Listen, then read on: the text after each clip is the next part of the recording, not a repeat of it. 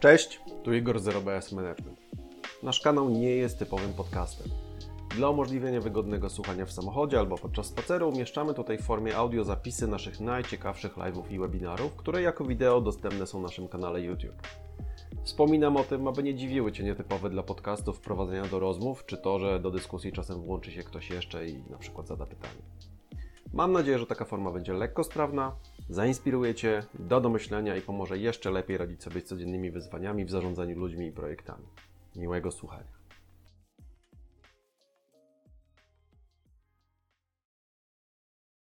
No to słuchajcie, ja takim moim pier pierwszym zagadnieniem, które bym chciał podnieść a propos tej, nie wiem, zmiany pracy, rozwoju kariery czy czegoś takiego, to jest, że warto sobie zadać pytanie, jak na przykład zaczyna się nam nudzić i zaczynamy myśleć sobie o tym quo vadis, to jest po co? E, co jest, co jest naszym, e, co jest naszym celem, bo ja tak naprawdę w tych, w tych zmianach, bo ja tak naprawdę widzę, nie wiem Paulina, czy się ze mną zgodzisz, ja widzę trzy główne kierunki. E, może chcie, możemy chcieć po prostu zadbać o nasze bezpieczeństwo na rynku pracy, nie wiem, zdobyć szersze doświadczenie, inną pozycję, zmienić branżę, whatever, bo na przykład uważamy, że nasza branża jest, nie wiem, bez przyszłości, albo mało przyszłościowa, albo mamy tego doświadczujemy, że mamy tego doświadczenia za mało, albo chcemy robić karierę, to też jest jedno, jedna z opcji, albo chcemy mieć po prostu spokojniejszą robotę. To jest y, też jeden z częstych, jeden z częstych powodów. Tu tylko, tylko rzucę, y, rzucę przykład. Na przykład w pewnych branżach to jest y, totalnie normalne, znaczy to jest standardowa ścieżka kariery, szczególnie w branży kreatywnej. Zaczyna się bardzo często w agencji, gdzie jest, jeśli ktoś z Was ma, ma, takie doświadczenie, chciałby się podzielić, to, to chętnie też usłyszymy, ale tam jest po prostu chaos, rozpiernić, klienci Wami po prostu orają pole, ciągle zmieniają zdanie i, i też się jakoś super dużo nie zarabia, E, ale ludzie często tam pracują właśnie, bo taką standardową ścieżką kariery jest to, że pracujesz tam, nie wiem, 3, 4, 5, 6, może troszkę więcej lat, nawiązujesz i któremuś z klientów się spodobujesz w trakcie tej współpracy i po prostu przechodzisz finalnie do tego klienta i później to ty jesteś tym project managerem, który tego, te agencje czołga i czołga to i robi to tym skuteczniej, bo sam już przez to przeszedł, więc zna wszystkie ściemy i, i, tak dalej. Paulina, widzisz jeszcze jakiś inny powód tej, tej, nie wiem, zmiany pracy, poza, nie wiem, bezpieczeństwem, karierą, e, poczuciem bezpieczeństwa na rynku, karierą i spokojniejszą robotą? Może nuda, bo ty się nudziłaś.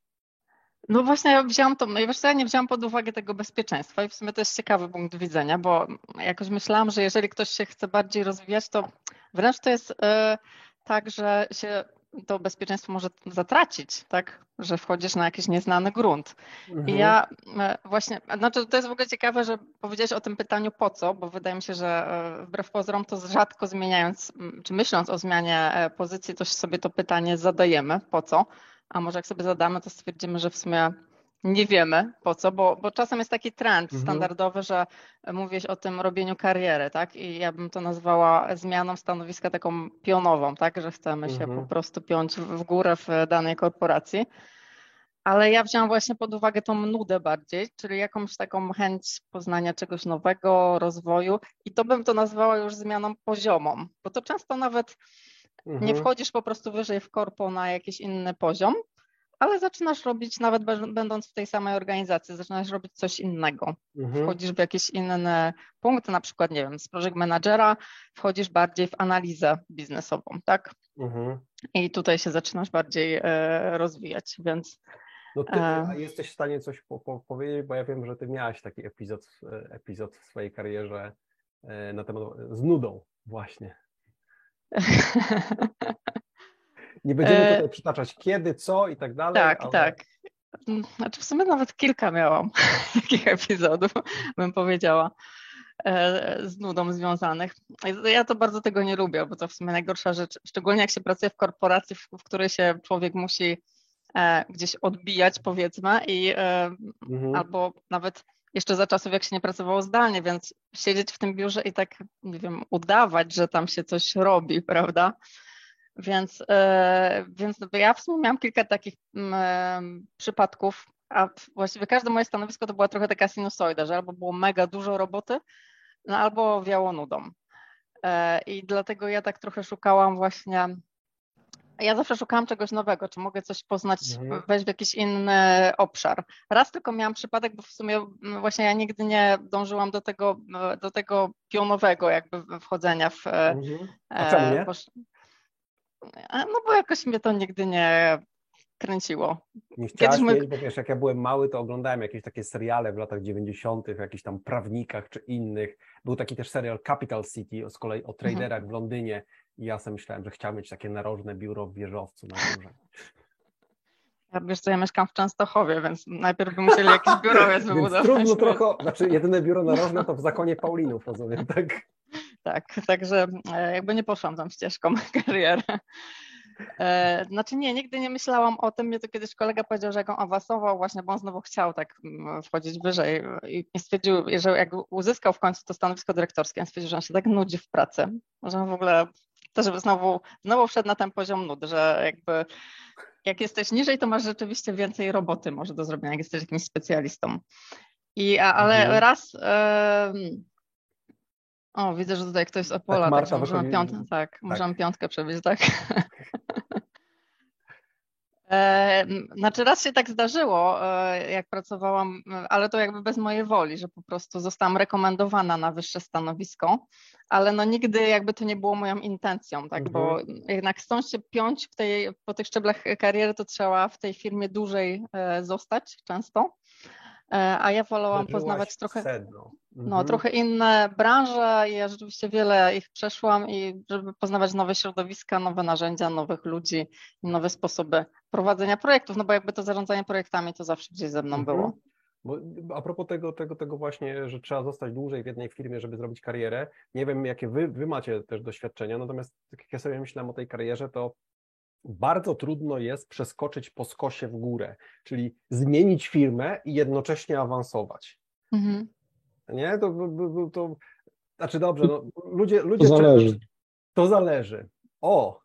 Ja miałem przypadek, gdzie z takiego skoczyłem poziom jakby wyżej, więc jak najbardziej jest to możliwe. A i, podałbyś, podałbyś okoliczności, no bo podejrzewam, że to chyba nie było ogłoszenie z pracuj.pl. No ogłoszenie właśnie wbrew pozorom z pracuj.pl. I to, I to było ciekawe, znaczy inna rzecz, że nazywało się ładnie kierownik projektu e, i podczas pierwszej rozmowy w jednym z hoteli, e, bo e, jeden z dyrektorów zarządzających nie chciał, żeby inny dyrektor wiedział o tym, że, że szukają człowieka na jego stanowisko. Spotkał się ze mną headhunter w hotelu i w czasie rozmowy pierwszej okazało się, że Prawdopodobnie to jest wyższe stanowisko, więc myślałem, może jakiś starszy kierownik projektu i w trakcie rozmowy drugiej, w drugim hotelu z, właśnie z dyrektorem zarządzającym okazało się, że to jest jednak awans na dyrektora biura projektów, także jak najbardziej jest to możliwe, Super. doświadczenie pokazało, także Cóż to było, Wojtek, a czy to, bo to może być tak, nie wiem, czy to był twój przypadek, że jednak rozmiar organizacji tutaj był, że wszedłeś w, mniejszą firmę, czy nie? Czy podobnej? Tak. Znaczy firma była mniejsza, to mhm. rzeczywiście, mhm. ale, ale no nie zmienia faktu, że, że gdzieś tam właśnie szukali kogoś, kto będzie zarządzał kierownikami projektów i szukali ludzi z doświadczeniem i gdzieś się tam mhm. wpisałem w ten, w ten zestaw. Poza tym moje doświadczenie, to co Paulina miała okazję przed chwilą powiedzieć, też zmieniam branżę co jakiś czas i no totalnie kosmiczne i oderwane od tego, co robiłem wcześniej. I to mhm. też gdzieś tam pokazało, że jednak nie ma, nie ma raz trochę backgroundu miałem z, e, tej, z tego obszaru, do którego szedłem, a dwa, no właśnie pokazane gdzieś tam, że różne projekty, różne rzeczy, różne wartości kontraktów, także no bo to jest też w ogóle fajny pomysł z tą, um, dlaczego pociągnęłam ten wątek tej mniejszej firmy, bo wiecie, czasem jesteśmy w dużej korporacji, nam się wydaje, że w ogóle wszyscy są na, tej samej, na tym samym poziomie i wszyscy znają przecież Jira, wiadomo, to nic nowego. E, mhm. A często przejść do innej firmy i jesteśmy, i gramy wtedy tam rolę eksperta e, rzeczywiście, więc e, i dla nich odkrywamy mhm. trochę mhm. nowe, nowe Albo nawet obszary. podobnej firmy, tylko z innej, podobnej wielkości firmy, tylko z innej branży na przykład, nie, że, że no tutaj Tomek pisze, że, że to była, że też miał taką okazję, ta sama firma, tylko inny firmy, biznes. Ale inny, ale, mhm. ram, ale inny biznes, czyli też po skosie w górę, tak? Tak, dokładnie. No. Czyli to nie tak, że się nie da, ale no tak intuicyjnie to, to, to no raczej... No jest to trudne. To, to, to są rzadsze przypadki, ale Znaczy, od razu... Mhm. Wydaje mi się, że to jest też kwestia Twojego doświadczenia. Im masz go jakby teoretycznie więcej, tym potencjalnie jest większa szansa, że ktoś to zauważy i wtedy masz szansę właśnie na ten awans Mhm. po skosie, no bo to, to, to może być argument na, na, na plus. Mhm, Tak. mhm. Czyli Tak ja większe, odbieram. podejrzewam też ciekawsze, być może jakaś firm, jakieś firmy, które, na przykład warto na to zwrócić uwagę, nie?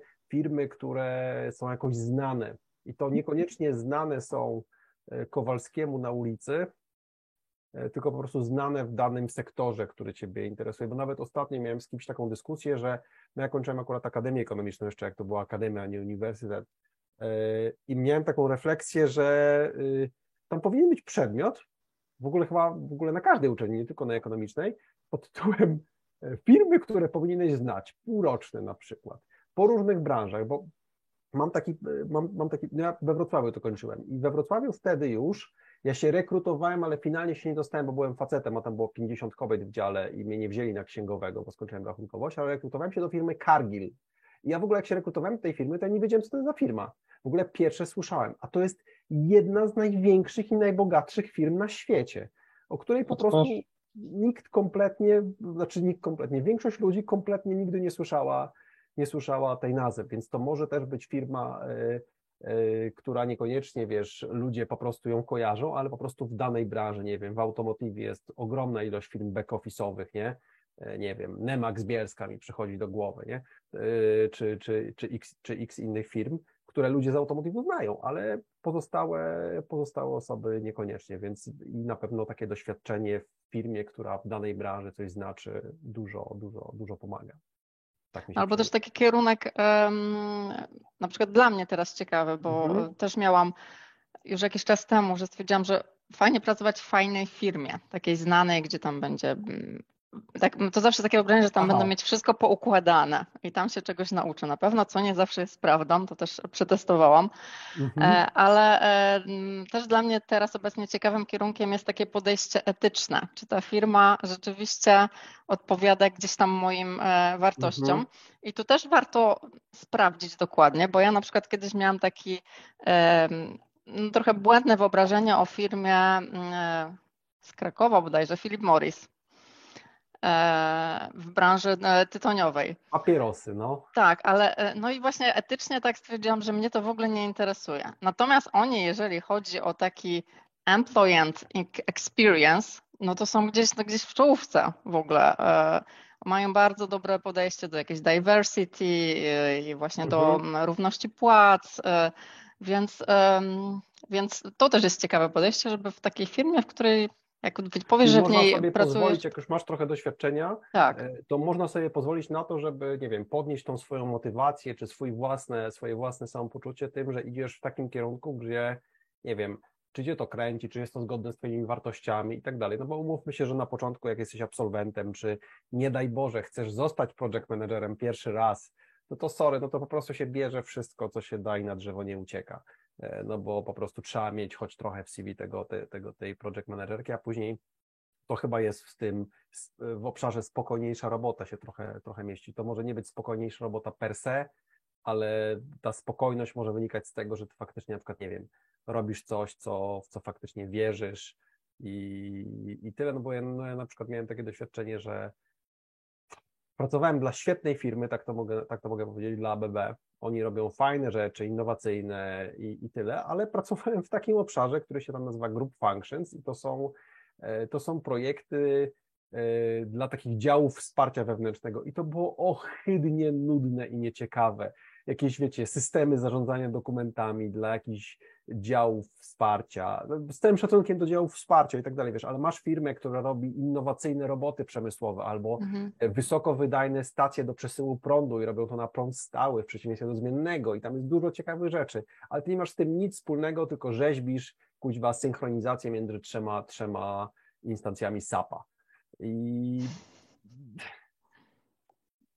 No ale to No też wiesz, to, wielko, to wielkość tej organizacji trochę tak e, Mhm. jakby powoduje, że jednak jesteś wtedy mm, trochę tym pionkiem, prawda, który też, też była w jednej takiej dużej firmie, gdzie ja stwierdziłam, że nazwisko się ciekawo, e, nazywało bardzo ciekawe, bo ja myślałam, że ja będę zarządzać zasobami, w sensie będę tam ludzi przesuwać z projektu na projekt, a się okazało, że firma wdrożyła dwa duże narzędzia do właśnie zarządzania zasobami i trzeba było dbać o to, żeby te dane były takie same i w jednym i w drugim.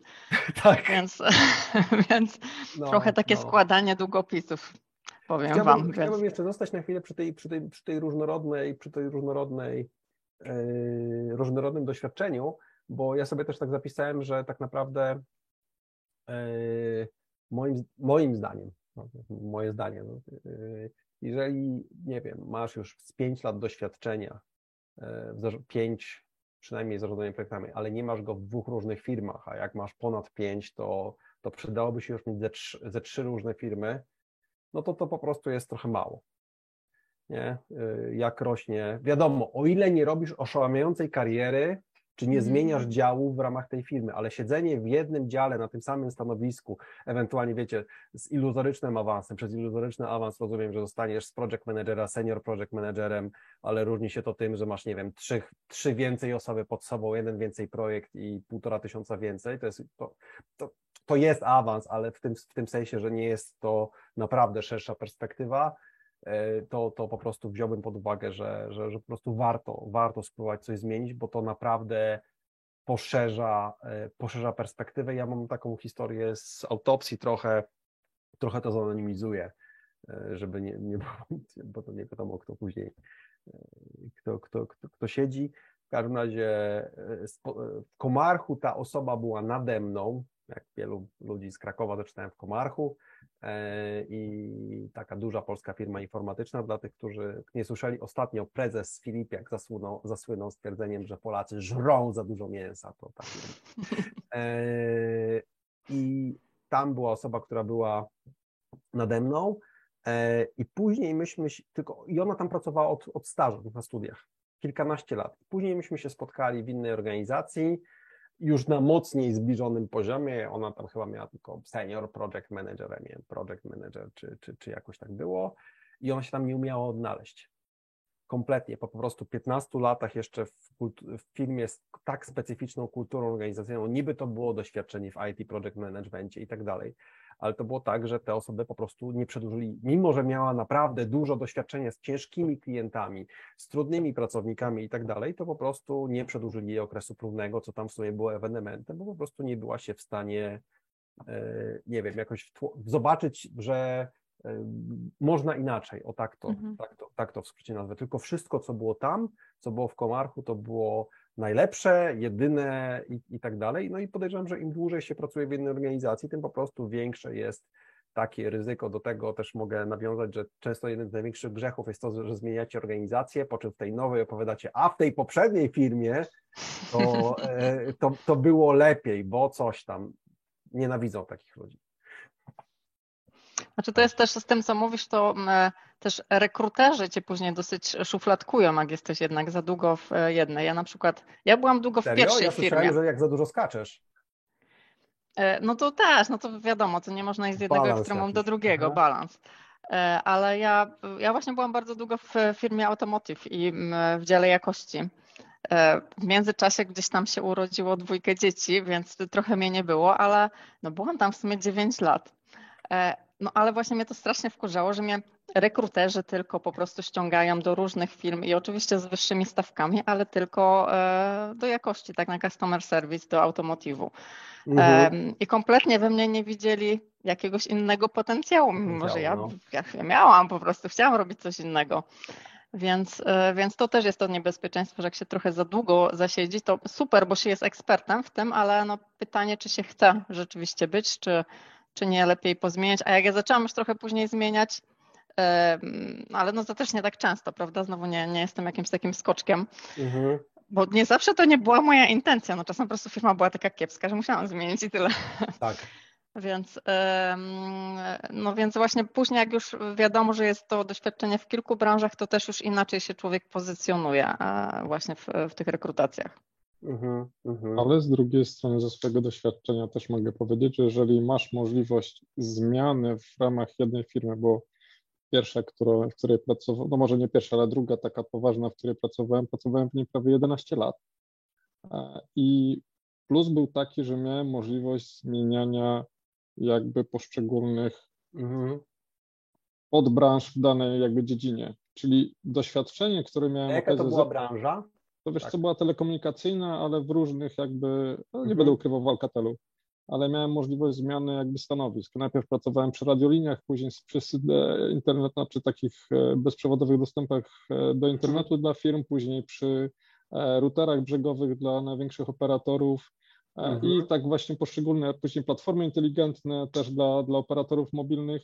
I to też powodowało, no właśnie to powodowało też, że raz nie miałem czasu się znudzić, bo w momencie, kiedy zaczynało już być trochę nudno, pojawiały się nowe projekty z zupełnie innych jakby poddziedzin danych e, tego, co, co robił Alcatel, albo na przykład też e, rynek kolejowy, więc to gdzieś tam było coś interesującego, ale to też później pozwoliło mi na pokazanie e, tego potencjału jakby do, do zmiany, że mimo, że siedziałem 11 lat, 11 lat w jednej firmie, to zmieniając poszczególne produkty, Mhm. zmieniając jakby klientów, poszerzałem swoje portfolio, co też wpłynęło później na, na to, że miałem możliwość z technicznego kierownika projektu, bo do, w pewnym momencie do tego poziomu doszedłem, do właśnie kierownika projektu w e, innej firmie. Mhm.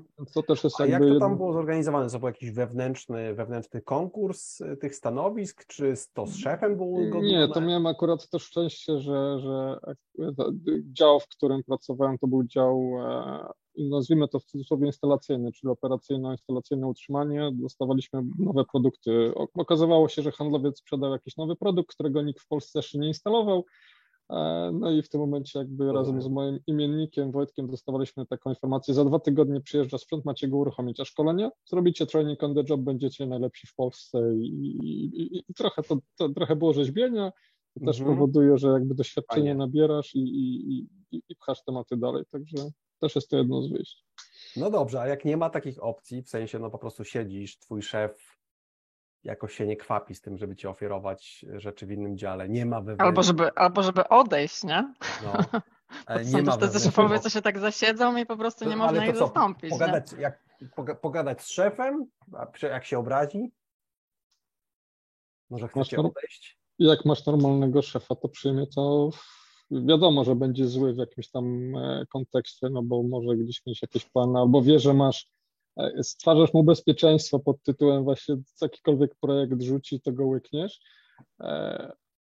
No ale to z drugiej strony trzeba patrzeć jakby też e, na nasze potrzeby, to co mówiliście, o czym wspominaliście wcześniej, czyli bezpieczeństwo, nie wiem, czasami kwestie Mhm. finansowe, czasami e, już mamy dosyć tego, co robimy, chcemy czegoś nowego, albo wiemy, że w ramach jakby e, struktur korporacyjnych no, nie wyskoczymy powyżej, Mhm. tak jak ja miałem technicznego kierownika projektu, bo kierowników projektów było wystarczająco wielu, nie odchodzili wobec powyższego.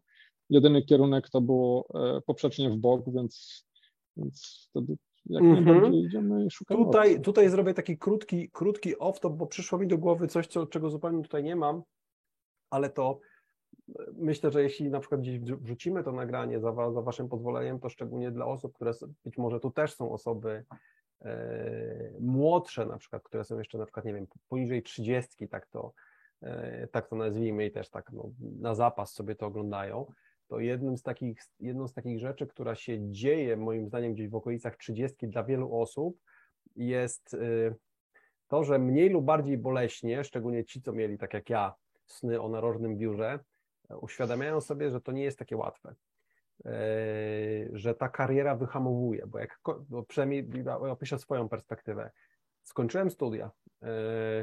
Mieszkałem z mamą w czasie, w czasie tych studiów. No wiadomo, no, nie był to super bogaty lifestyle i tak dalej, i tak dalej, i tak dalej. No i nagle skończyłem studia, udało mi się, tam w międzyczasie pracowałem, robiłem jakieś stronki, pracowałem w biurze rachunkowym, x rzeczy robiłem, no ale to wszystko były groszowe sprawy, żadne duże projekty i tak dalej. I nagle dostałem pracę w fajnym dziale w Komarchu w Krakowie. Zmieniłem miasto i centralnie dwa miesiące po tym, jak dostałem tę robotę, to byłem pierwszy raz podróży służbowej w samolocie i leciałem do, do Holandii, do klienta. Tam zacząłem spać w hotelach, zacząłem latać samolotami, nawet się biznes klasą raz czy dwa zdarzyło, jak już no, Komarch, więc jak to nie, nie było innej opcji, musieliśmy, nie musieliśmy polecieć. Ale po prostu ty nagle sobie byłeś tutaj i nagle jest po prostu ten skok straszliwie duży. Robi się jaka, robi się jaka iluzja. Iluzja robi się taka, że, Że to cały czas tak będzie. że to nachylenie tej Mhm. krzywej wzrostu będzie cały czas takie samo. Mhm. Zapominamy o tym, że ta piramida u góry, załóżmy, że tam są ludzie coraz bardziej senior, później dyrektorzy i tak dalej, że ona jest coraz węższa. e, węższa u góry i no pewnie z tych, z tych, co tam zostali na początku, że team liderów jest bardzo dużo, project managerów jest bardzo dużo, ale dyrektorów PMO na kilkunastu czy kilkudziesięciu jest jeden.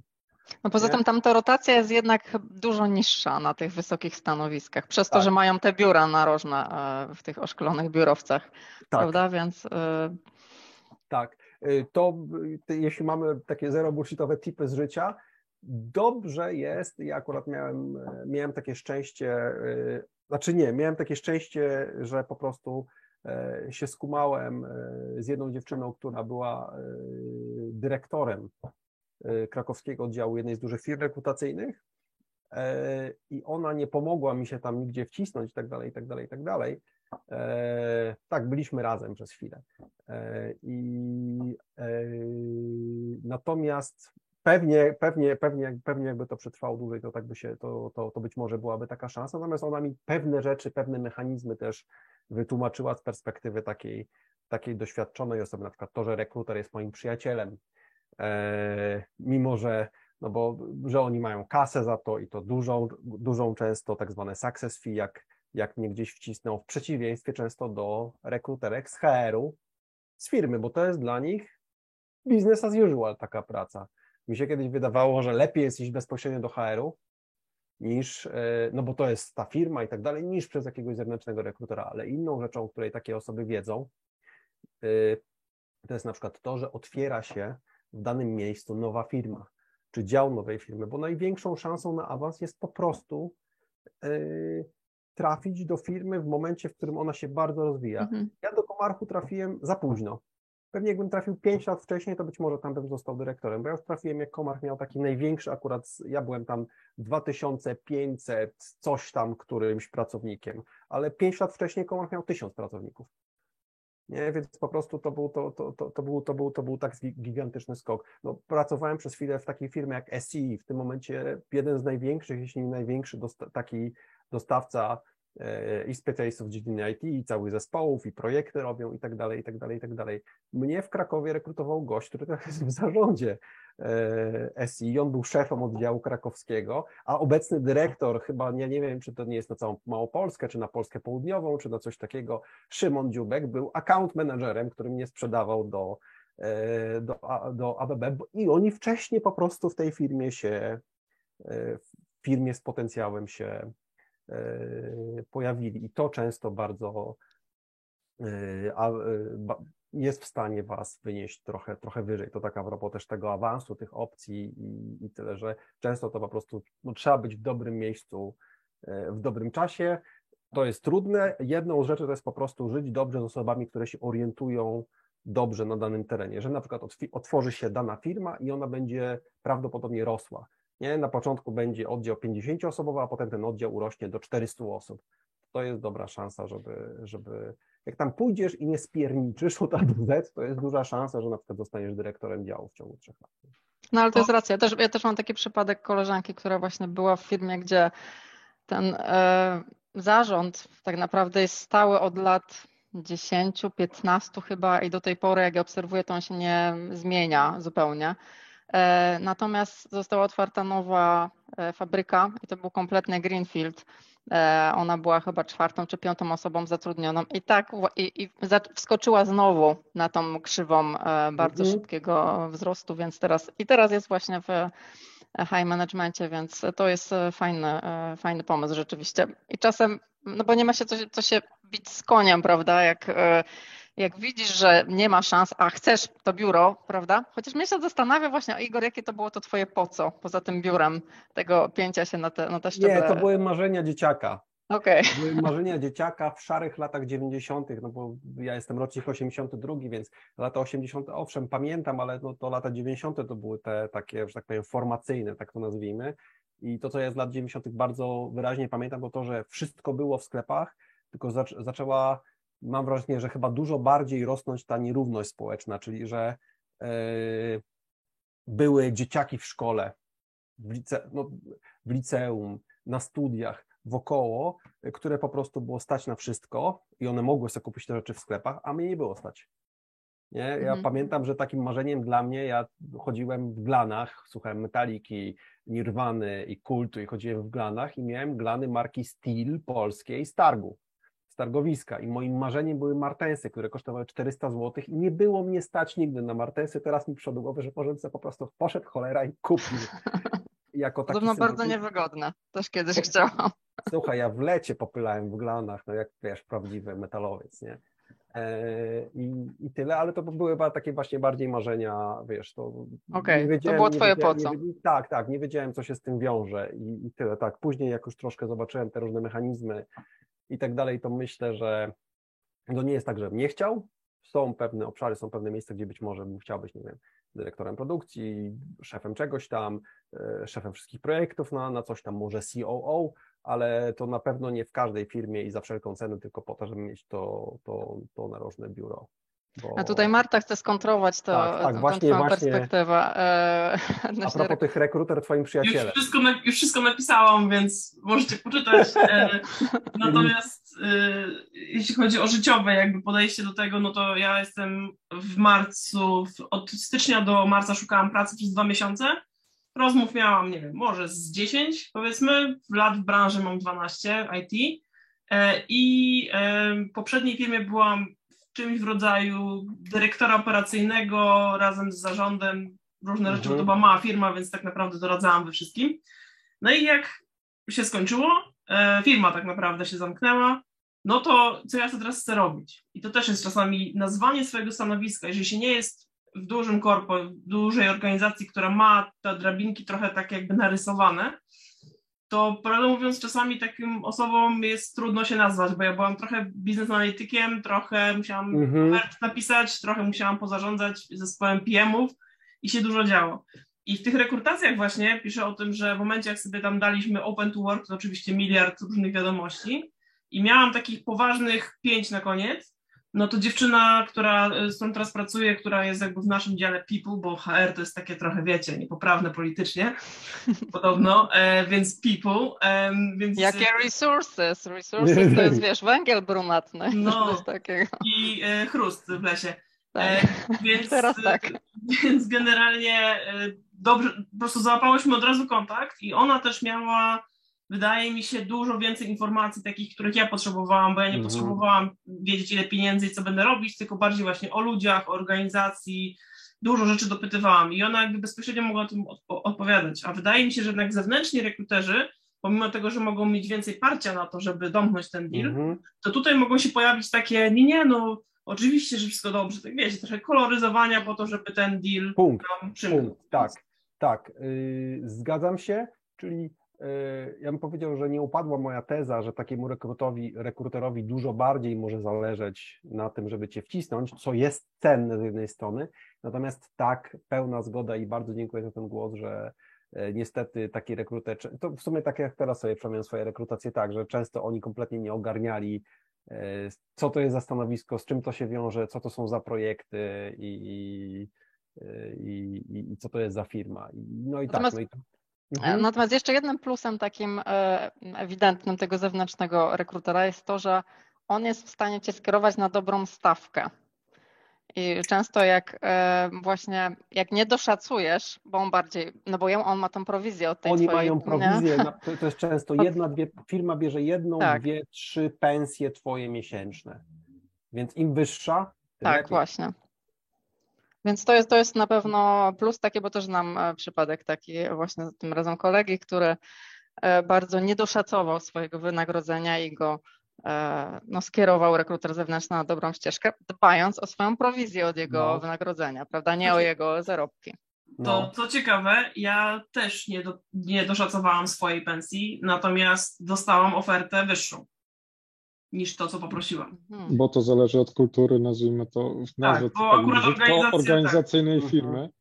I są Tak, firmy, tak. które skorzystają z tego i strzelą cię między oczy, a są firmy, które Mhm. uczciwie powiedzą, u nas stawka jest na takim poziomie i Mhm. mimo, że podałeś mniejszą, my proponujemy taką, nie? Mhm. No Tak, tak, też ale- się spotkałem z takimi przypadkami. ale to do zasady rekruter po prostu będzie miał pewnie lepsze rozeznanie, szczególnie jeśli na przykład, tak, no ja sobie lubię dawać realne przykłady, bo one są, bo one są najlepsze. Właśnie rzeczony Szymon, który mnie sprzedał do ABB, e, ja wtedy szedłem tam z Onetu, gdzie miałem 7,5 brutto, to było 10-11 lat temu. To wtedy już była niezła pensja w, w, w Krakowie. To akurat był ten moment, kiedy IT dopiero zaczynało trochę rosnąć. Ja z tego na to 7,5 brutto zmieniłem 4,5 w Komarchu, a 4,5 w Komarchu to w ogóle był jakiś kosmos. Wracając do tego, miałem te 7,5 brutto, po czym tam poszedłem na B2B i ja nie chcę kłamać, zaniżę. Na pewno to było 650 zł dziennie. I jeszcze się dogadałem na pracę 4 dni w tygodniu. Więc ja po 7,5 brutto, czyli tam było 5 z hakiem na rękę, jak, jak wystawiłem pierwszą fakturę na kilkanaście tysięcy, z czego po zapłaceniu małego ZUS-u i podatku i tak dalej, i tak mi dycha została, została mi 10 w ręku. To sam biznes klasą za pracę poleciałeś gdzieś. Dostałem dwa razy większą pensję. Ja po prostu nie, ja po prostu nie wierzyłem, że to jest możliwe. Mhm. I w życiu bym o takie coś nie, po, nie poprosił, gdyby właśnie nie wynikała ta, e, nie wynikało to e, z tego, że oni wiedzieli, i, tyle. Tak, teraz, teraz to IT to starzyści, starzyści były chcą, tak, wiem, wiem, niestety, no tak, takie życie. Wtedy y, czułem, jakbym złapał Pana Boga e, za nogi. Jeszcze o różnorodnym doświadczeniu i o karierze. Taki jeden aspekt mi przyszedł do głowy, że nie wiem, Paulina, czy się ze mną zgodzisz, a, a propos też dogadywania się z ludźmi i myślę, że Wojtek, nawet jak prze, prze, przez te różne działy w firmie, że to bardzo pomaga, jak popracujesz na przykład w ramach jednej firmy, czy w ramach innych firm, ale na troszkę delikatnie różnych stanowiskach typu raz jesteś z perspektywy dostawcy, raz z perspektywy klienta, raz z perspektywy wewnętrznego działu wsparcia, raz z perspektywy wewnętrznego tak zwanego biznesu, bo są tam w firmach najczęściej są, mamy działy wsparcia, czyli te, które nie przynoszą kasy, jest biznes, czyli ten, który jakąś tam to kasę generuje e, jak trochę popracujesz i poznasz perspektywę tych różnych działów, to dużo łatwiej jest się później dogadać wewnętrznie w różnej firmie. Dlaczego? Bo rozumiesz cudzą perspektywę, bo przestajesz y, patrzeć na tych innych jako, jak na debili, że to są po prostu debile, nie? że ten mhm. biznes albo ta sprzedaż to jest głupia, e, bo oni tylko po prostu obiecują, obiecują, obiecują, a jak popracujesz chwilę tam, to orientujesz się, że ich z kolei cisną z góry E, o wynik, i, a ich konkurencja często, znaczy i w sensie często na przykład jest taka sytuacja w branży, że to jest normalne, że wszyscy obiecują. Inni sprzedawcy, którzy idą do, tego, do ich potencjalnego klienta, też obiecują, więc oni nie mogą nie obiecywać. Wszyscy muszą, yy, wszyscy muszą obiecywać. I nagle zaczynasz to rozumieć, i w związku z tym dużo łatwiej ci jest się, wiesz, y, dogadać w ramach firmy, co pewnie może mieć pozytywny wpływ na twoją karierę. Nie wiem, Paulina, jakie ty masz doświadczenia z tym, z tym nabieraniem, z rozumieniem cudzej perspektywy? Znaczy u mnie takie największe zrozumienie to było w momencie, jak ja z bycia pracownikiem stałam się przełożoną. I wtedy, ale wtedy Zobaczyłaś, zrozumiałam... że przełożony się nie nudzi cały dzień. Nawet nie to, ale ja zrozumiałam, jakim ja byłam grzecznym pracownikiem. I teraz już nie jestem takim grzecznym chyba. Tak. Bo e, kurde, pracownicy moi wtedy zaczęli do mnie przychodzić. Mówię, po podwyżki, tu marudzili, tu coś tam. A ja mówię, kurde, jak ja byłam pracownikiem, to ja w ogóle nic po prostu. Brałam co było, podwyżki takie standardowe, roczne, zgadzałam się ze wszystkim. A, a oni nagle takie marody, więc y, mhm. dla mnie to było takie odkrywcze najbardziej chyba. E, I do tej pory tak mam, że teraz obecnie jestem i e, jakby nie jestem na najwyższym szczeblu e, organizacji, nie jestem jeszcze CEO żadnej firmy, ale jestem i przełożoną i mam pracownika i, i fajnie jest tą perspektywę rozumieć czasem mhm. właśnie i widzieć po prostu jak się było na tym e, stołku. Więc to, to było dla mnie takie e, odkrywcze, a z tymi relacjami to znowu to, co mnie pomogło, jestem osobą dosyć mocno relacyjną i często wykorzystującą te relacje. I ja w tym sensie, że czasem to jest tak, że możesz czegoś nie wiedzieć w danej firmie, ale fajnie jak wiesz, kogo zapytać o coś.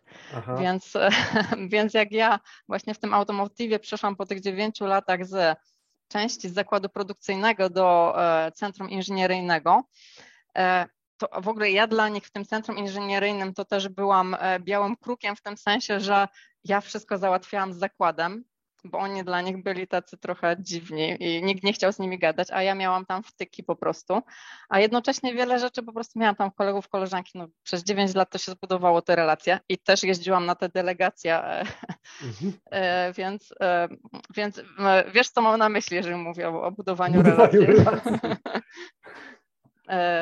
Znaczy nie czytajcie to między wierszami, nic oczywiście, prawda? Ale no bardziej można zbudować, bo to jest wtedy taki większy kontakt z tymi osobami pozapracowy też. Więc miałam te relacje i e, no i po prostu to wykorzystywałam mocno e, mhm. w tym sensie, żeby coś sprawdzić, coś zapytać, coś dowiedzieć, mhm. coś załatwić, więc to, to mi bardzo pomogło i ułatwiło pracę.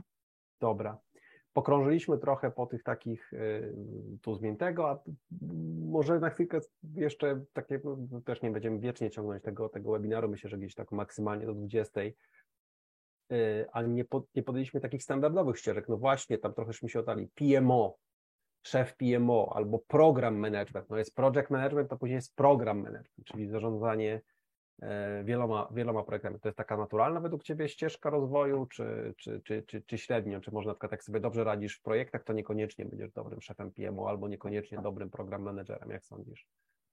To znaczy, jeżeli e, zatrzymamy się na tej ścieżce w sensie project manager, program manager i portfolio manager, e, no to jest tutaj dużo zbieżności jednak. Mhm.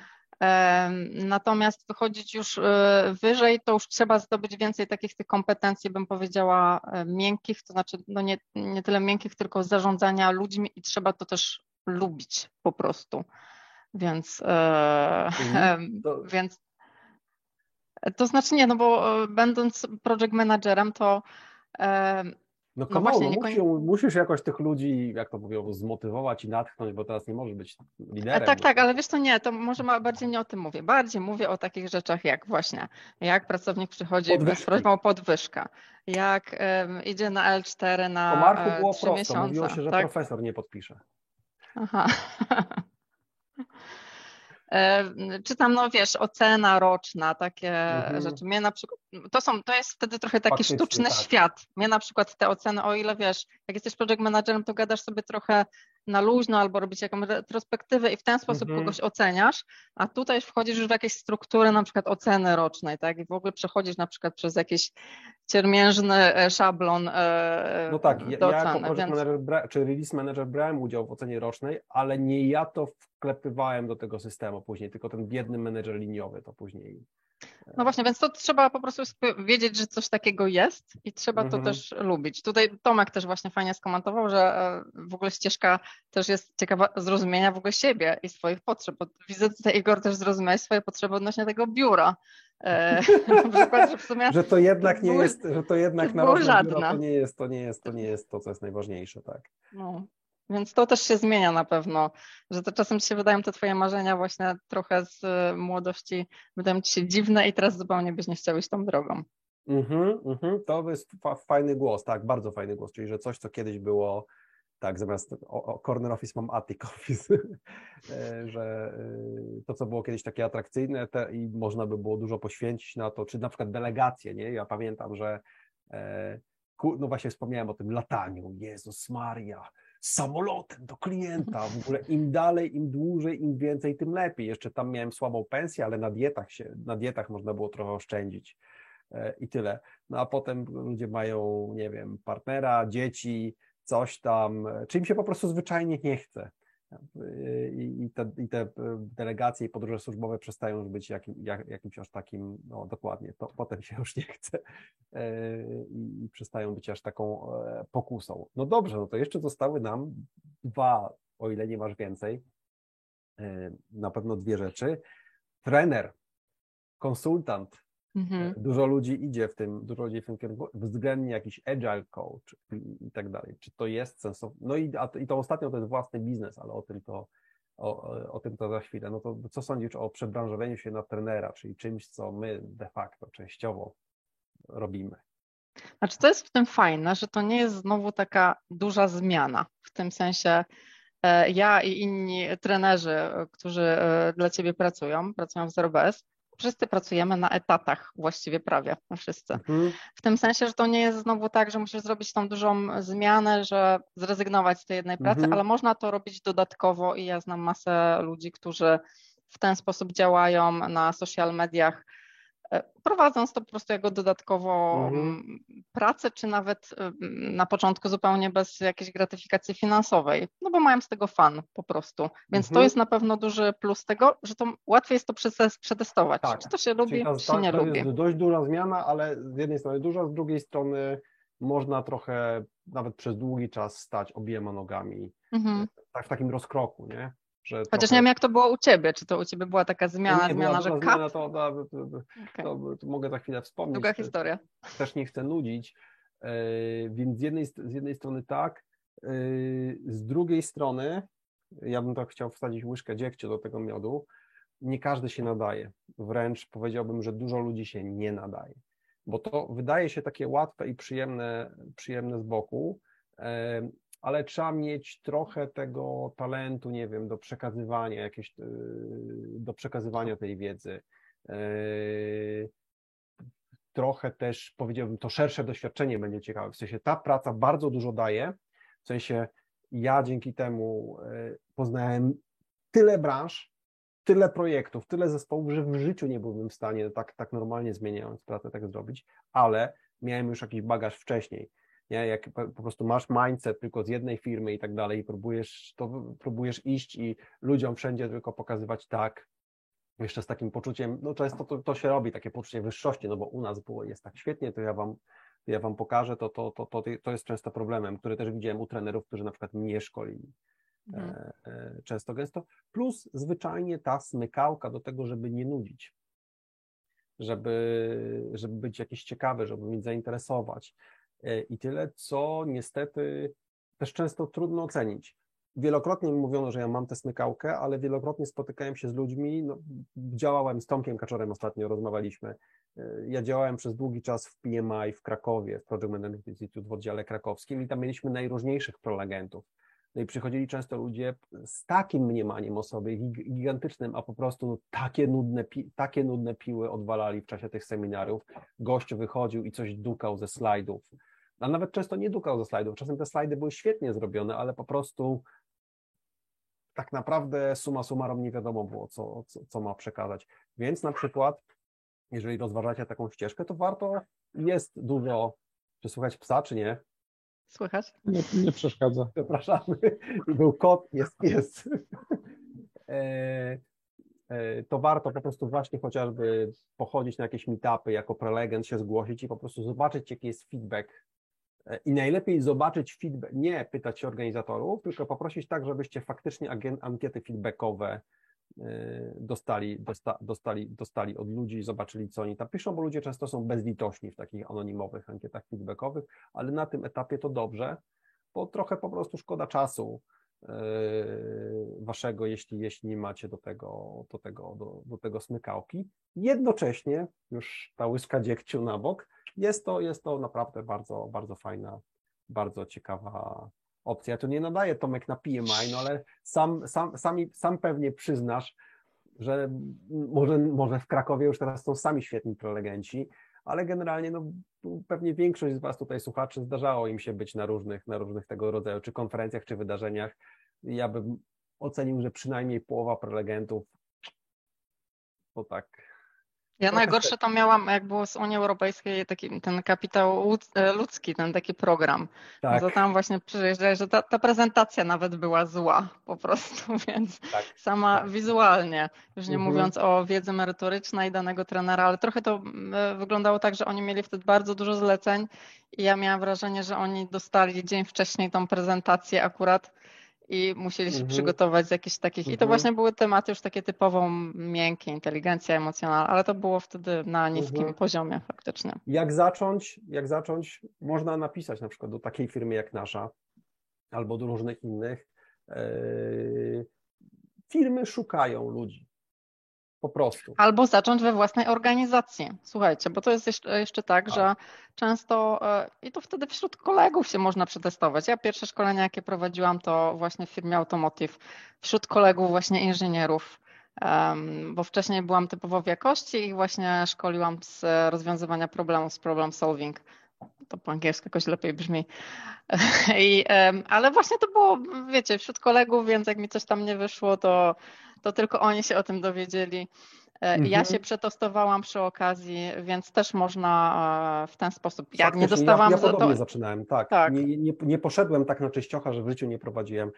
Trochę się właśnie na jakichś meetupach, na jakichś, na jakichś seminariach udzielałem, tam powiedzmy parę tych prelekcji dałem, plus miałem tam x szkoleń wewnętrznych, to nie było naście, ale pewnie więcej niż pięć miałem przeprowadzonych i, i tyle, tak żeby, że chociaż pamiętam jak dziś swoje pierwsze komercyjne szkolenie w Poznaniu, które ten, i tutaj Marta pisze, że ja współpracowników zachęcam do robienia prezentacji wewnątrz organizacji, żeby dostali feedback i poprawili zgodnie z uwagami. Jak najbardziej, bardzo fajne. I podejrzewam, podejrzewam, nie wiem, może się nie zgodzisz, że, że, że to często widać, że po prostu niektórzy ludzie zwyczajnie mają do tego y, smykałkę, ni tej smykałki nie mają. I ci, co, ci, co tę smykałkę nie mają, to też dzielą się na takich, którzy są w stanie to mocno poprawić, a są tacy, którzy po prostu no zawsze mają po prostu do tego dwie lewe ręce, no i też, też, też, też, yy, też można to zaakceptować. Yy, Ja bym, Igor, jak mogę, to bym powiedział jeszcze jedną rzecz. E, Fajni są trenerzy, e, tacy, którzy mieli okazję jeść chleb z tego pieca, czyli nie są teoretykami, tylko mają mhm, dużo Tak, przykładów to jest właśnie duża zaleta.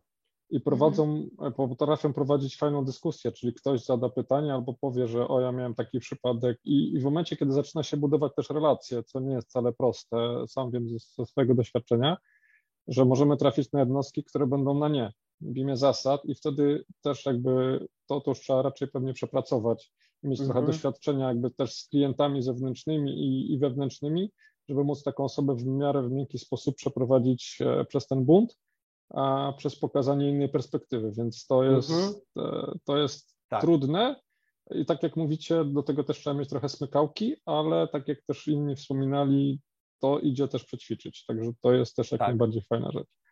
Ja bym powiedział, że też jeszcze innym kierunkiem z tym związanym trochę e, jest być może coaching albo agile coaching, bo to jest podobny kierunek, ale jednocześnie druga strona medalu dla mnie. Ja byłbym kiepskim coachem. Ja, jak widać po mnie, ja jestem nastawiony w życiu na nadawanie. Nauczyłem się słuchać. Nauczyłem się akceptować cudze perspektywy, ale moim domyślnym trybem jest nadawanie. E, I po prostu byłbym kiepskim coachem, zwyczajnie. Ja się nadaję do mentoringu, coś komuś doradzić, coś komuś powiedzieć, pogadać i, i tak dalej, i tak dalej, i tak dalej. Ale być może ci z Was, którzy na przykład nie mają takiego, nie wiem, jakiejś charyzmy, smykałki tego typu, to mogą być dużo lepsi w drugą stronę, czyli do, tak, tak, taka rola, która dużo więcej słucha, tylko czasem przywali jakimś cennym pytaniem, które właśnie może sformułować dzięki temu, że jest dobra w tym odbieraniu. Tak, Tomek słusznie dodaje, że to jest właśnie to, to zrozumienie siebie. E, Papa Magda, jeśli macie jakieś pytania, to oczywiście zadawajcie. Ja jeszcze chciałem powiedzieć na chwilę ten ostatni obszar, który wyróżniłem, własny biznes, założenie własnej firmy na boku od początku. E, Czy to jest fajne, ale też Don't do it. Don't do it, Marta. Czemu nie? No. Jako PM-owie lubimy sobie brać na głowę różne rzeczy, w sensie mamy na głowie różne rzeczy i trzeba łączyć wiele, wiele Mhm. funkcji. Ja przez jakiś czas prowadziłam agencję i byłam PM za, za, zarówno, zarazem, w sensie. Mhm. Było super po prostu. E, I e, wypalenie się tutaj jest po prostu tak wielowątkowe, że to po prostu się Mhm. no, no, nie opłaciło na żadnym, Mhm. absolutnie żadnym e, polu. I szczególnie jeżeli mówimy o tym, że my już mamy doświadczenie, to wydaje mi się, że naprawdę duże ambicje, duże, duży pomysł, duża jakaś kreatywność e, musiałaby się z tym wiązać. I to nie jest tak, że no, no, na pewno nie. Natomiast wydaje mi się, że jest dużo ról, w których można się spełniać wielowątkowo, Mhm. niekoniecznie biorąc sobie na bary odpowiedzialność i jakby Mhm. za, za pracowników, za ten szacunek dla ludzi, którzy to robią. Natomiast jakby mi ktoś raz zaproponował, że nawet dałby mi jakieś dofinansowanie, cokolwiek, to ja mając ten bagaż podziękowałabym serdecznie, ale, Mhm. ale to, jest, Bardzo- to jest dużo. Bardzo, bardzo fajnie wyraziłaś to, co ja też właśnie chciałem powiedzieć. Taka pokora przyszła. Jak za- założyłem swoją firmę, to miałem już naście lat doświadczenia w projektach różnorodnego i tak dalej. I myślałem, że jestem cwany. I okazało się, że w pewnych obszarach jestem bardzo dobry, a o pewnych obszarach nie wiem kompletnie nic. E, i muszę się bar- i zaczynam z poziomu totalnego zera i po prostu e, no, jakieś balansowanie przepływów, sprzedaż, no przecież sprzedawać, ja nienawidzę sprzedawać, musiałem się nauczyć sprzedawać.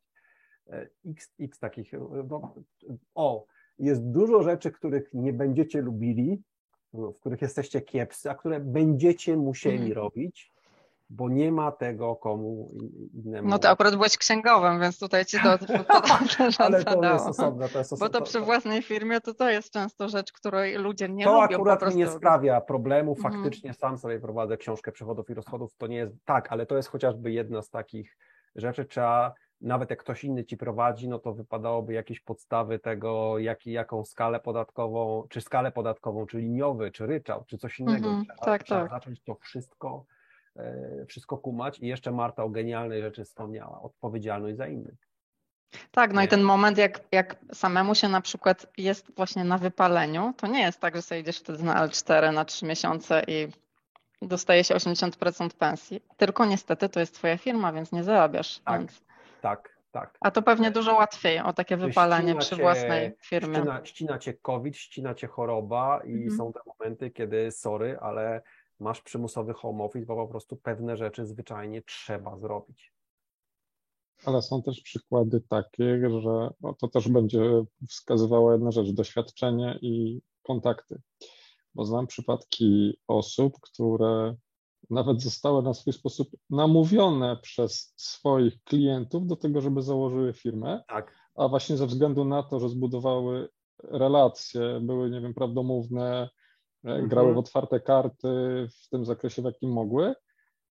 I jeden z moich znajomych otworzył tak firmę e, w ten sposób. Dwóch dużych klientów e, powiedziało, to my jesteśmy z tobą i to już był jakby plus, bo po pierwsze dostał Super, miesięczne, miersze- miesięczne utrzymanie obiektów niemałych, po drugie każde nowe kontrakty szły jakby e, w ramach współpracy, no łącznie z tym, że e, miał okazję e, współbudować e, fab- fabrykę silników Mercedesa w, w Polsce, Wow. jak również ma zdjęcia z właścicielem Tesli spod Berlina, także w ciągu siedmiu lat tak rozbudowali firmę, super.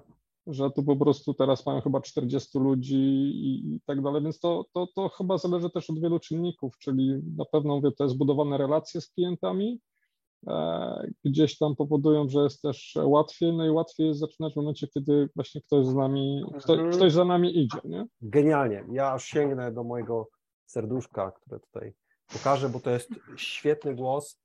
E,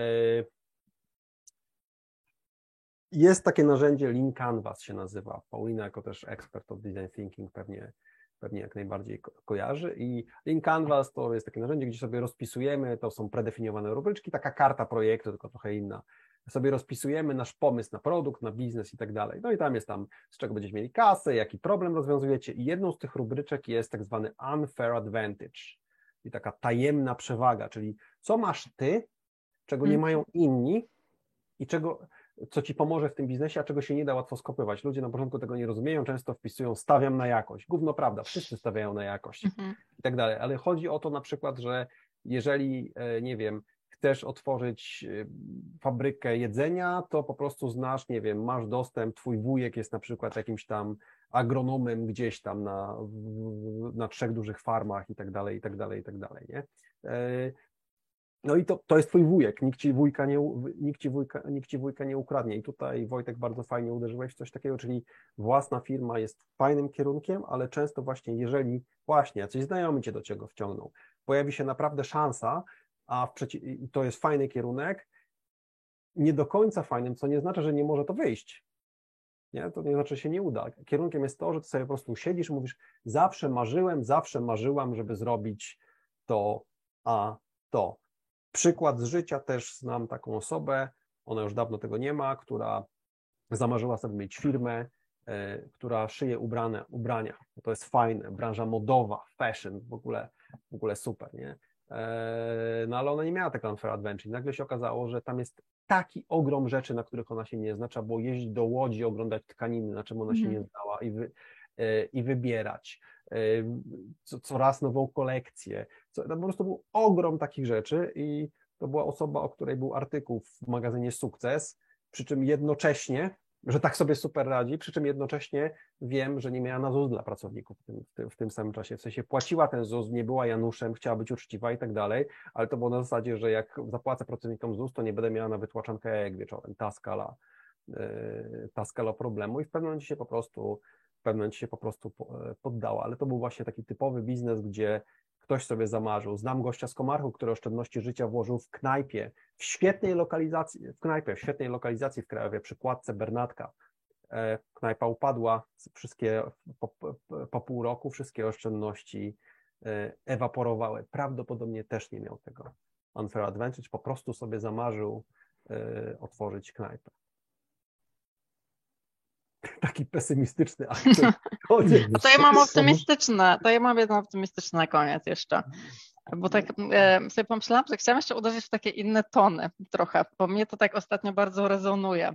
Znaczy, ja jeszcze tego nie zrobiłam, ale mi chodzi bardzo po głowie, bo um, gdzieś ktoś mi polecił, tylko właśnie nie mogę sobie teraz przypomnieć kto, e, książkę, której jeszcze nie kupiłam, ale słuchałam podcast e, Davida Brooksa. E, książka się nazywa The Road to Character. E, I tam jest o tym, no, o tym, jak się zmienia społeczeństwo dzisiaj, jak ludzie się stają bardzo egoistyczni, mhm. tacy skupieni na sobie. David Brooks na przykład podaje przykład. E, możecie na Spotify znaleźć podcast w, e, w programie, w podcaście Opry Winfrey. Ona z nim przeprowadza wywiad. I on mówi o tym, że kiedyś leciał właśnie samolotem i siedział obok jakiejś pani, która przyglądała przez ten dwugodzinny lot swoje zdjęcia na telefonie cały czas. E, no i że właśnie to społeczeństwo jest teraz bardzo takie egoistyczne i on mówi o tym, że charakter można mierzyć dwoma jakby miernikami. Pierwsze to jest mierzysz przez swoje resume, przez swoje CV, czyli właśnie mhm. kompetencje, mhm. umiejętności i to wszystko, o czym dzisiaj mówiliśmy. A druga to jest, co o tobie, co o tobie powiedzą na e, mowie pogrzebowej. To miało być optymistycznie w ogóle, tak? ale, ale o to chodzi, że i to mnie strasznie zastanawia w tym sensie, że ja osobiście, i to mówię otwarcie, niewiele robię tych rzeczy takich, bo przecież oni nie powiedzą na mowie pogrzebowej, że byłam 9 lat w automotywie i tak no. dalej, portfolio manager, że niewiele robię takich rzeczy, które e, no, przynoszą taką rzeczywiście wartość. E, I, mm, I mówię, że zaczynam zastanawiać nad tym obszarem, który u mnie jest zupełnie niezapełniony mhm. E, jeszcze, a, a równie ważne jak no, ważniejszy jednak niż to biuro, e, prawda, w przeszklonym e, biurowcu, więc...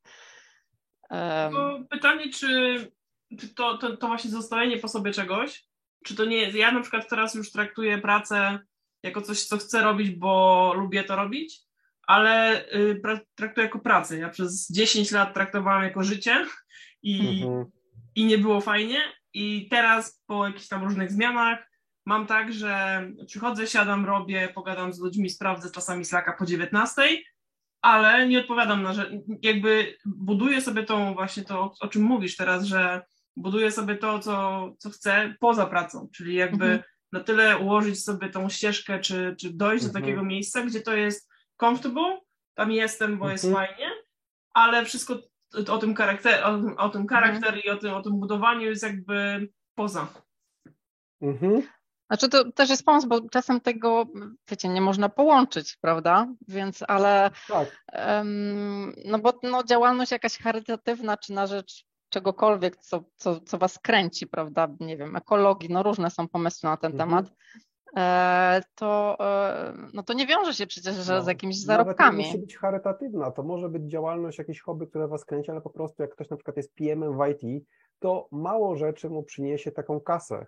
I ja pamiętam gościa ze, ze szkolenia, nie będę podawał nazwiska, ale DB Schenker Technology Center w Warszawie. E, I pamiętam gościa, który tam jednocześnie był menedżerem, ale robił meble. Po prostu mhm. kuźwa stolarstwem się zajmował, nie? I nawet pewnie jak sprzedał, nawet jak mu się udawało sprzedać raz na trzy miesiące stolik, nawet do 10 tysięcy, no przecież 10, nie wiem, nie mam pojęcia, nie? Ale strzelam. Do 10 tysięcy stolik to jest dużo, ale ma się to pewnie nijak do pensji menedżera e, w dużym technologicznym e, korpo w Warszawie, mhm. ale jako takie oderwanie, jako coś, co ci po prostu sprawia frajdę i, daje, i ci ładuje baterię i tak dalej, jest bardzo fajne, podejrzewam. No bo to, a to o tym znowu mówił, nie wiem, czy kojarzycie ten TEDx e, bardzo znany, Jacka Walkiewicza, pełna moc możliwości, Tak, takie o, stare. O tym, sobie kampera chciał O kamperze, a tak, tak, o kamperze. No i on właśnie tam mówił coś takiego, że nie wszystko, co się opłaca, warto, a nie wszystko, co warto, się opłaca. Się opłaca. Tak, Genialne. więc- Y, Tomek Kaczor, kurs stolarski, jakbyście słyszeli o czymś takim w Krakowie, dajcie znać. Jest taka strona, która bardzo hejtuje Jacka Majchrowskiego, prezydenta, nazywa się krowoderska.pl i oni tam mówią też często o lokalnych biznesach, inicjatywach i tak dalej. Przeszukaj sobie tą stronę, bo oni pisali z półtora roku temu czy dwa lata temu właśnie o jakichś kursach stolarskich w Krakowie, na które właśnie błyskawicznie się miejsca, miejsca rozchodzą, ale gdzieś tam powinieneś mieć jakiś, powinieneś znaleźć jakiś... Na, na Instagramie jest dużo Tam. sp- splecienia makramy, więc jakby znalazł. No, no. Na przykład coś takiego, czyli można sobie być tym PM-em w nudnym obszarze, a jednocześnie, ten- jak ten obszar jest taki nudny, to i spokojny, ustabilizowany, to po prostu sobie też gdzieś. Widzisz, to ja znam, znam przykład, gdzie kolega odchodząc z jednej z firm założył nową, e, dynamicznie się o niego dzieje, ale w ramach odskoczni od, został też rzeźnikiem. I sprzedaje, ale rzeźnikiem takim nie na zasadzie typowym rzeźnikiem, tylko sprzedaje sezorowane mięsa na, nie wiem, na steki, taki wiesz, zupełnie inny poziom abstrakcji, więc z jednej strony gania, e, będąc właścicielem firmy, a z drugiej strony dystansuje się, będąc właścicielem Ciekawe. właśnie miejsca, gdzie można kupić porządny, dobry stek i tego typu mięsa. Ciekawe, Także też ma takie podejście, nie? ciekawe, ten rzeźnik, rzeź, ten rzeźnik, ten rzeźnik na koniec. Czy ktoś z Was ma jeszcze jakieś, nie wiem, pytania, uwagi, refleksje?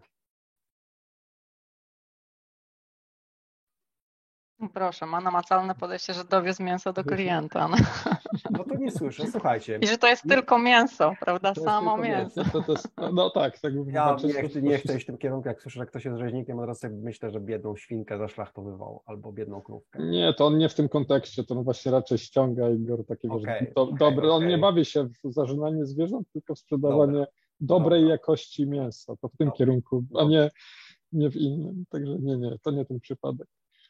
Tomek, refleksja, spotykajmy się częściej. Super, Fajny może, mo- może, może się uda. No Zdecydowanie właśnie. weźmiemy pod uwagę. Super, bardzo Wam dziękuję. Już Was e, nie zatrzymuję. Bardzo fajna dyskusja. Dziękuję Paulina, że też, że, że, że współuczestniczyłaś, że pomogłaś nam to rozkręcić. Bardzo fajne też z Twojej, z twojej, z twojej perspektywy doświadczenia i brakuje, dziękuję Wam wszystkim, e, którzy tutaj się wypowiedzieliście za głos, bo to tym bardziej ucennia ten materiał. Dziękuję i zapraszam Cię też do wysłuchania pozostałych odcinków. A jeśli chcesz wziąć udział w wydarzeniu, które potem lądują tutaj jako nagrania, zapisz się do naszej zamkniętej społeczności dla liderów i menedżerów pod adresem 0bs.pl łamane przez społeczność. To tam w pierwszej kolejności umieszczamy informacje o kolejnych planowanych wydarzeniach. Pozdrowienia i do usłyszenia.